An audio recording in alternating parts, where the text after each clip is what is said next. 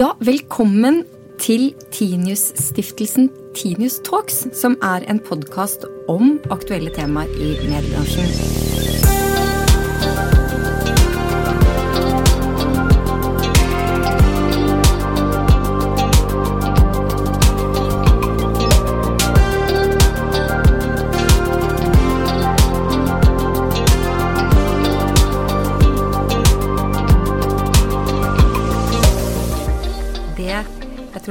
Veldig mange har fått med seg i det siste snaue året, er at vi snakker mye om blokkjede, men hvem vet hva det egentlig innebærer? Og det har vi tenkt til å eh, ta opp i dag. Og da har jeg med meg Fredrik Haga, som er trend manager på blokkjede i Skipsted. Og Terje Seljeseth, som er analysesjef i stiftelsen Tinius. Og jeg heter Kjersti Løken Stavrum og er direktør i stiftelsen Tinius. Hvorfor dukker dette ordet blockchain opp nå så ofte? Eh, Det er i hvert fall en teknologi som støtter opp under det at eh, transaksjoner eller andre ting mellom mennesker er helt trygt å gjøre. Det er et eh, Så langt har vist seg å være et svindelfritt system.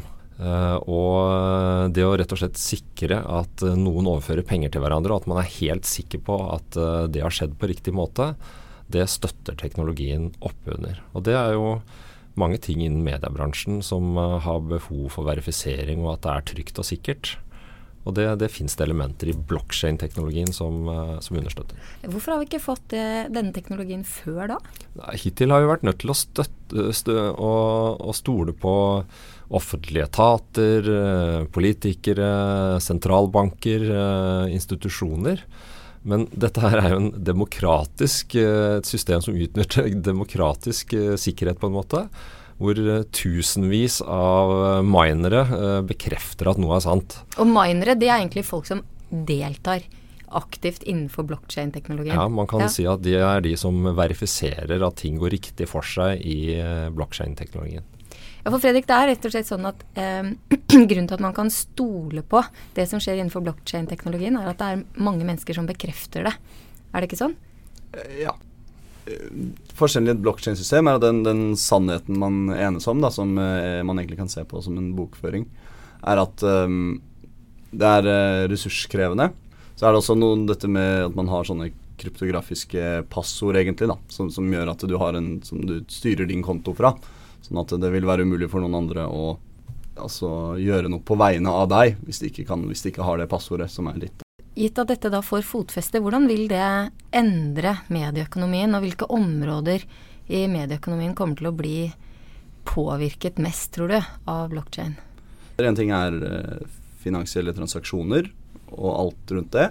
Eh, og så er det tillit. Så hvis man tar dette med at finans kan endres, så kan man jo se for seg at uh, f.eks. lesere finansielt interagerer med publikasjoner på, på andre måter. At du kan insentivere lesere til å si noe om hva som har skjedd, ved eksempel, hvis de er på et sted hvor det skjer et eller annet nyhetsverdig, og eh, hvordan man betaler på nett, så kan man se for seg at eh, du har på en måte en lommebok mye mer integrert og sømløst inn i det å bevege seg rundt på internett. Så et eksempel er en nettleser som heter Brave, som er ute og fungerer, hvor du har integrert en tracker som tar vare på altså privacy for leseren, men også følger med på hvor du bruker tiden din, så betaler de nettsidene som du har vært mest inne på, med en sum som du har satt opp eh, som en månedlig betaling. Da. Tillit er jo et, stadig mer problematisk ord i, i den digitale økonomien. Vi har jo f.eks. hatt Dagens Næringslivs avsløringer Terje, om,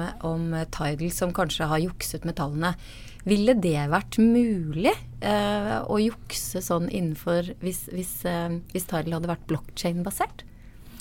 Hvis Tidal hadde satt opp uh, hele betalingssystemet sitt uh, ved hjelp av blokkjedeteknologien på en riktig måte, så ville det vært umulig å jukse med. Uh, og denne bokføringen er jo åpen for alle. så hovedboka er mulig å bla i og se i. Selv om den er kjempestor med millioner av transaksjoner, så er den tilgjengelig. Noen mener jo også at selve journalistikken vil bli påvirket av blockchain. At at man i større grad kan eh, være mer eh, faktabasert i, i formidlingen av innhold, og, og at den faktaen faktisk er riktig Er det et håp, eller vil det være mulig at den vil løfte da troverdigheten i journalistikken? Uh, sånn Helt umiddelbart ser jeg ikke hvordan det påvirker akkurat troverdigheten på, på, hva journalistene skriver, f.eks. Uh, men det kan definitivt tenkes at det blir laget systemer hvor alt noen har sagt i en sak er lett dokumenterbart og lett å finne tilbake til. Det egner teknologien seg til. Så jakten på kilder, holdt jeg på å si, eller hvem var det som sa det først, det vil, det vil blokkjedeteknologien kunne bidra til? Det kan hjelpe til, ja. Du kan, du kan entydig bevise at uh, på et eller annet uh, tidspunkt så, så, så, skrev jeg denne dataen til, til en blokkjede, f.eks., um, som kan være et, uh, at jeg siterer noen eller, eller sånt. Men, men, du er fortsatt avhengig av at den dataen som sendes til en blokkjede, er sann. Så det er jo en slags abstraksjon fra at en journalist sier faktisk hva som har hendt, uh, og så har du tillit til brandet Aftenposten, og så, og så, regner du med at hvis denne personen er tilknyttet Aftenposten, så, så sier den sannheten. Eh, og så kan man jo si at man kan eh, finjustere det lenger ned eh, på mer detaljert nivå med blokkjede potensielt, men så kan man jo på den annen siden si at er det, det er ikke nødvendigvis sånn at folk egentlig ønsker å ha et veldig mye mer detaljert forhold til uh, hvor informasjon kommer fra.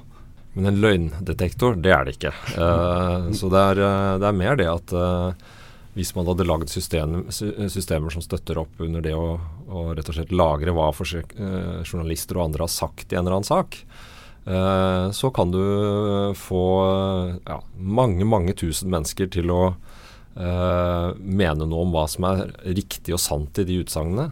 Og selv det kan man ikke være helt trygg på, for det 100 000 mennesker kan ljuge hvis de har de rette insentivene antagelig, men sjansene for at du da får noen som veldig mange er enig i av en eller annen grunn, det er i hvert fall veldig til stede hvis du bruker den teknologien på den måten. Ja, for Du nevnte jo i stad at dette er et veldig demokratisk verktøy. Jeg syns jo det høres veldig tek teknologisk ut, men, eh, men hvis det er demokratisk, så innebærer det jo egentlig at makten flyttes til enkeltpersoner, da. Er det sånn? Istedenfor at du har en finansinstitusjon sånn som en bank i kjernen av systemet, da, så har du et system hvor hvem som helst kan opprette en konto og koble seg på nettverket uten å be noen om adgang. Eh, og når du da tenker på at det finnes noen milliarder mennesker i verden som ikke har tilgang til en bankkonto fordi de ikke har ID eller kreditthistorie og sånne ting, så er det jo ganske interessant og demokratiserende egentlig at da du får tilgang til et supersikkert eh, globalt finanssystem uten å måtte forbi de vanlige eh, portvokterne da, som, som finnes i dagens eh, system. Og I så måte så er det jo veldig demokratiserende. Tror du det er en, en helt grunnleggende disrupsjon vi står foran med blokkjede, Terje? Det er klart at uh, hvis en eller annen kryptovaluta vinner kryptovalutaløpet og blir uh, verdensvaluta, så disrupterer det masse forskjellige ting. Uh, hvis det blir fremtidens uh, I hvert fall deler av fremtidens betalingssystem, så, så er det det samme. Så det, det, har potensial i seg til å bli det. Om det blir det, det tror jeg skal være forsiktig med å spå nå om. Det tror jeg er early days.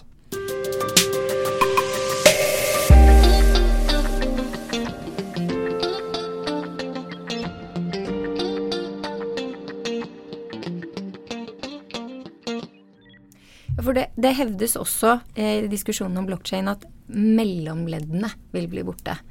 Eh, at, eh, at eh, noe av den demokratiserende kraften er at enkeltmennesker ikke trenger å basere seg så mye på tredjeparter og sånn. Stemmer det med din oppfatning, eller? Det er jo veldig teknisk. Så, så, mange Altså i noen sånn kryptovalutakretser da, så har man en sånn saying at don't trust, verify. Som er åpenbart en veldig nisjeting som veldig få folk kommer til å kunne gjøre. For hvis ikke du kan lese kode, så kan du ikke vertifisere hva som egentlig skjer under panseret. Ja, for det er jo veldig interessant, egentlig. Hvis dette ikke bare er demokratisk for de som er i stand til å, å, å snakke kodespråk og, og, delta i en blokkjedeteknologi, da er det jo bare for de innvidde, da. Det som er, er at det er åpent, sånn at hvem som helst kan gå inn og, og vertifisere. Sånn at selv om Hvis, hvis eh, banken sier at dette og dette har skjedd, så har du egentlig ikke noen mulighet til å gå i sømmene på det. Eller kanskje du kan gå via rettssystemet og den, en sånn type prosess. Men mens i eh, en open blockchain-setting, så kan du gå inn og, og, se på dette. Sånn at eh, det vil nok være noen form for tredjeparter som hjelper folk å sikre at ting er som de burde være. Det er allikevel nok en bevegelse mot å gi folk mer kontroll selv enn en dagens eh, tillitssystemer. Da. Altså Når ting ikke går etter planen, Terje, eh, så, så, har vi jo en tendens, i hvert fall i Norge og land vi sammenligner oss med, å rope på politikerne. Nå må politikerne rydde opp. Vil det i det hele tatt være mulig for blokkjede som liksom sporer av, og, eh, og hvor man har feil insentiver, som du nevnte? Ja, nå er noe av styrken med blokkjedeteknologien egentlig det at man ikke trenger den type funksjoner. Men på den annen side så tror jeg det er mange som, eh, det, er mange som nå ser for muligheter til reguleringer av i uh, hvert fall kryptovalutaene. Uh, og der kan det nok komme fornuftige reguleringer. Uh, som bl.a. gjør at det er lettere for legfolk å få å forstå hva som har skjedd i en transaksjon, f.eks. Som uh, Fredrik her helt riktig påpeker, nok eh, i dag er mer for de teknisk orienterte. Ja, for det er jo egentlig så enkelt som at hvis vi har kjøpt noe på Finn, da, eller på Tice for den del, og så er det bare spørsmål om når skal du overføre pengene. Eh, og det, den angsten, den kan rett og slett bare bli borte, den da. På sett og vis. Ja. Um, Eller ja, hvorfor på sett og vis? Hvorfor kan du ikke bare svare ja? det er jo sånn uh, Den problemstillingen man kaller sånn uh, penga og pølsa, hvem skal gi hva først? Og, og vi, med en gang du ikke er på samme fysiske lokasjon, så, så, blir jo det et spørsmål om hvem gir fra seg hva først. Um, og der tror jeg det er veldig mye spennende innenfor uh, uh, blokkjedeløsninger, fordi du har Du får her et uh, altså open source finanssystem som gjør at hvem som helst kan ha en verktøykasse og kan bygge finansprodukter hvor du da kan fasilitere transaksjoner på nye måter.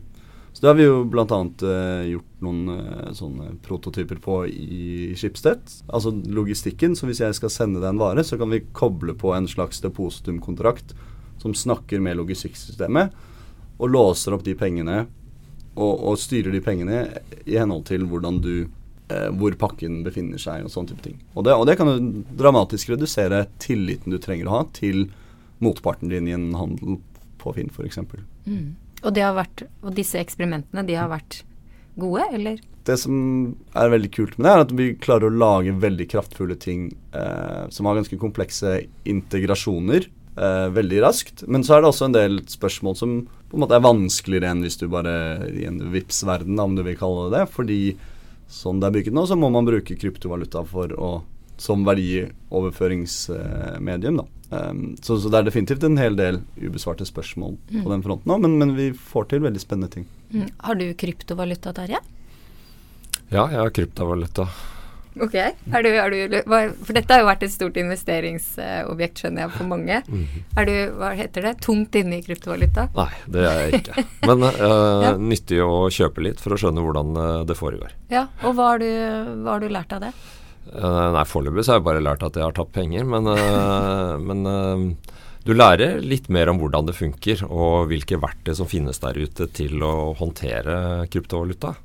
Det er like lett å kjøpe og selge det som Ja, det er egentlig lettere enn hva det er på en nettbank f.eks. Så du ser jo potensialet her, at, uh, at, dette kan virkelig bli noe som uh, påvirker finanssektoren. Fordi jeg syns jo som gammel interrailer så ble jeg veldig glad når euroen kom. At det bare var én valuta. Så slapp jeg liksom å ha poser med masse rart i. tror du det blir slik at bitcoin redusere antall valutaer, eller blir det bare et morass med ulike valutaer? På lang sikt så kan selvfølgelig, så har det som sagt potensialet til å kunne bli en verdensvaluta. Men jeg tror det Fredriks poeng er viktigere. Det er utrolig mange mennesker i verden som ikke har kredittkort. Som ikke har noe bankkonto. Uh, som ikke ville fått det heller. Uh, men hvis de har en mobiltelefon, så kan de faktisk overføre penger til hverandre. De kan kjøpe og selge ting. De kan uh, gjøre masse ting som er en fordel for dem, til tross for at kanskje sentralbanken i deres land er fullstendig ute av kontroll eller ikke-fungerende. Og det er mange, mange mange hundre millioner mennesker som er i den situasjonen i, i veldig mange land. Uh, og der uh, har allerede dette, uh, har jo dette tendenser til å bli en slags form for verdensvaluta for, for de menneskene. Én ting er selve hvilken valuta bruker man, men selv den teknologien som ligger i bunnen her også, er ganske interessant i form av at man kan f.eks. handle assets eller valutaer, trade det veldig sømløst. Det er veldig lett å se for seg at du vil under panseret bytte um, altså verdiobjekter mye, mye, mye, mye mer enn det vi gjør i dag. Fordi eh, eierskap i aksjer eller i valuta, alle sånne ting, er fortsatt forankret i eh, juridiske systemer som egentlig er store papirmøller som er veldig mye friksjon. da. så du kan lett se for deg at du når du betaler for taxi i Jakarta eller hva det måtte være, så bytter du om kroner til lokal valuta der umiddelbart uten å eh, tenke over det gratis eh, i praksis. Til forskjell fra dagens sånn vekslingsopplevelse. Da. Men jeg tror en trend vi kan komme til å se, at dette vil uh, gjøre noe med banker rundt omkring i verden til å gjøre akkurat den type ting enklere. For det er faktisk det, bare det at det skal ta flere dager å, å overføre penger til utlandet. Det, det er jo egentlig for gammel teknologi som gjør at det er sånn. Det tror jeg man kan bli, eh, få litt trykk etter hvert som uh, kryptovalutaer og blokkjede utvikler seg til å gjøre noe med. For hvis ikke så vil jo denne disrupsjonmuligheten som vi har snakket om, øke. Sånn, en, en, ting jeg tenkte på forrige dagen jeg flyttet noen uh, euro uh, mellom banker, og det at f.eks. at du ikke kan sånn, Dagens finanssystem da, jo, kommer jo fra en gammel ganske mange år siden, den infrastrukturen. og Sånn at du ikke kan ta og be om en betalingsforespørsel, f.eks. At hvis jeg skal betale noen i, i, utlandet, så kan ikke de bare si sånn Ja, eh, Fredrik, kan du gi meg 100 euro? Og så får jeg bare opp en pop-up i nettbanken min. Ja, godta. Nei, jeg må ha masse sånne stringer med informasjon. Det er jo egentlig sånn fra en brukeropplevelseperspektiv så er det jo egentlig helt utrolig at vi i 2018 sitter med sånne ting som egentlig kommer fra mange, mange tiår tilbake.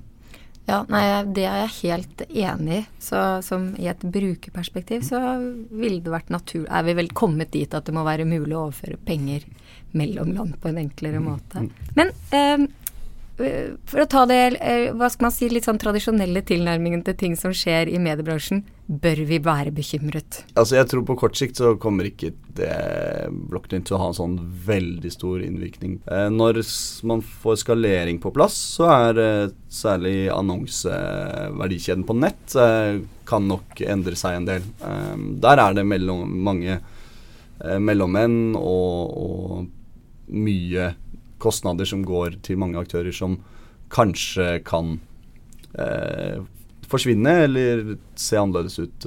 Jeg tror du vet, Terje, at, at, eh, at, det GDPR ikke fjerner av mellomaktører, det tar blokkjede siste rest av? Jeg, jeg, tror definitivt det kommer til å ta vekk en del mellommenn. Det er jeg ganske overbevist om.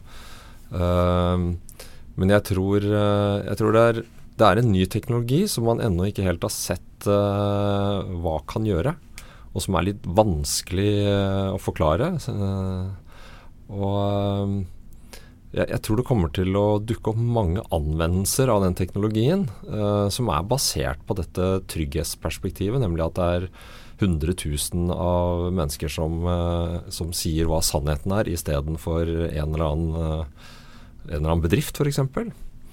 Uh, og jeg tror innovasjonen der gjør at det kan dukke opp uh, ting som også er uh, noe vi skal følge med på i mediebransjen. F.eks. journalistikk direkte mellom en leser og en journalist. Det er blokkjedeteknologien egna til å løse. Sånn at man betaler direkte til journalisten for å få vite noe om et spesielt tema fra en journalist, istedenfor at man kjøper en avis.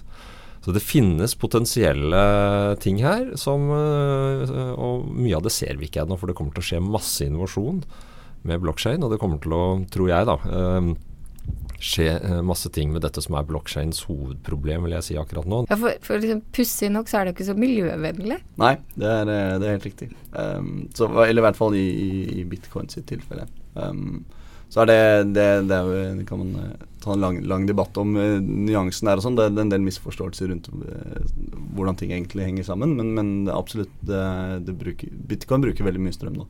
Mm. Um, det er andre prosjekter som tar andre, andre tilnærminger, som fortsatt er veldig tidlig, men uh, hvor man f.eks. istedenfor å ofre energi, kan ofre Du putter pengene dine rett og slett setter opp pengene dine og sier at jeg skal vertifisere disse transaksjonene. og Hvis jeg gjør dette feil, så har dere lov til å ta pengene fra meg. rett og slett. Så du låser opp pengene dine og bruker det som en eh, insentivering til å handle riktig istedenfor et strømforbruk. Ok, Så vi kan tvinges til å være etiske? De som vil ja. delta som fasilitatorer, må ha en nedside, da. Ja. Det er egentlig det det handler om. Men det er helt på tampen, for det syns jeg er ganske festlig når vi snakker om, om uh, blokkjede og verifisering og fakta og hvem sa det først, så syns jeg det er ganske morsomt at han som da utviklet blokkjede, Satoshi Nakamoto, i 2009, han er det ingen som vet hvem er. Er ikke det litt pussig? Det er litt pussig, men så illustrerer det også egentlig dette med at man trenger ikke en part eh, som slag som en, ja, Du kan si at han kan jo ligne litt på en bedrift, om det er han som styrer showet og har laget det og alle vet hvem han er. Eh, men her er det da helt motsatt. At eh, han, han, har bare lagt denne teknologien ut til verden, og så har han forsvunnet. Og nå er han ikke aktiv lenger, og allikevel så går dette fremover og utvikles og, og lever i beste velgående. Så det er egentlig et litt sånn fint uh, symbol på hvordan den teknologien faktisk fungerer uten sentrale aktører. Og at den har livets rett. Ja. Mm. Da sier jeg takk til dere, og så vil det bli spennende å møtes igjen om et drøyt år, tenker jeg. Og fortsette samtalen om hva var det blokkjede egentlig eh, førte til. Takk skal dere ha.